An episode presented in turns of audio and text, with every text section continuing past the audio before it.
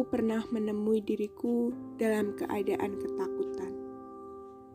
Takut menemui seseorang karena kesalahanku.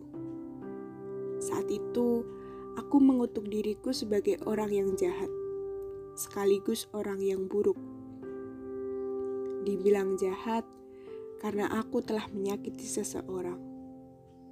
Untuk beberapa orang, menyakiti orang lain adalah menyakiti diri sendiri.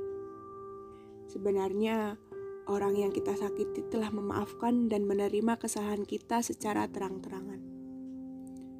Menurutnya, tidak ada pihak yang menyakiti dan tersakiti. Namun, sering kali rasa bersalah pada diri sendiri menghantui. Pertanyaan yang sering kali muncul adalah, Kenapa aku sejahat itu?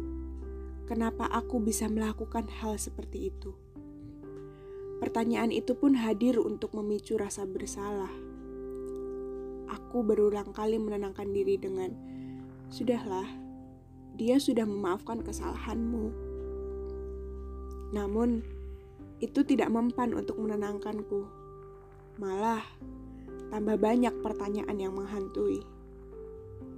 Seiring berjalannya waktu dan banyak peristiwa yang terlewati, aku akan belajar memaafkan diri sendiri dengan berbagai cara.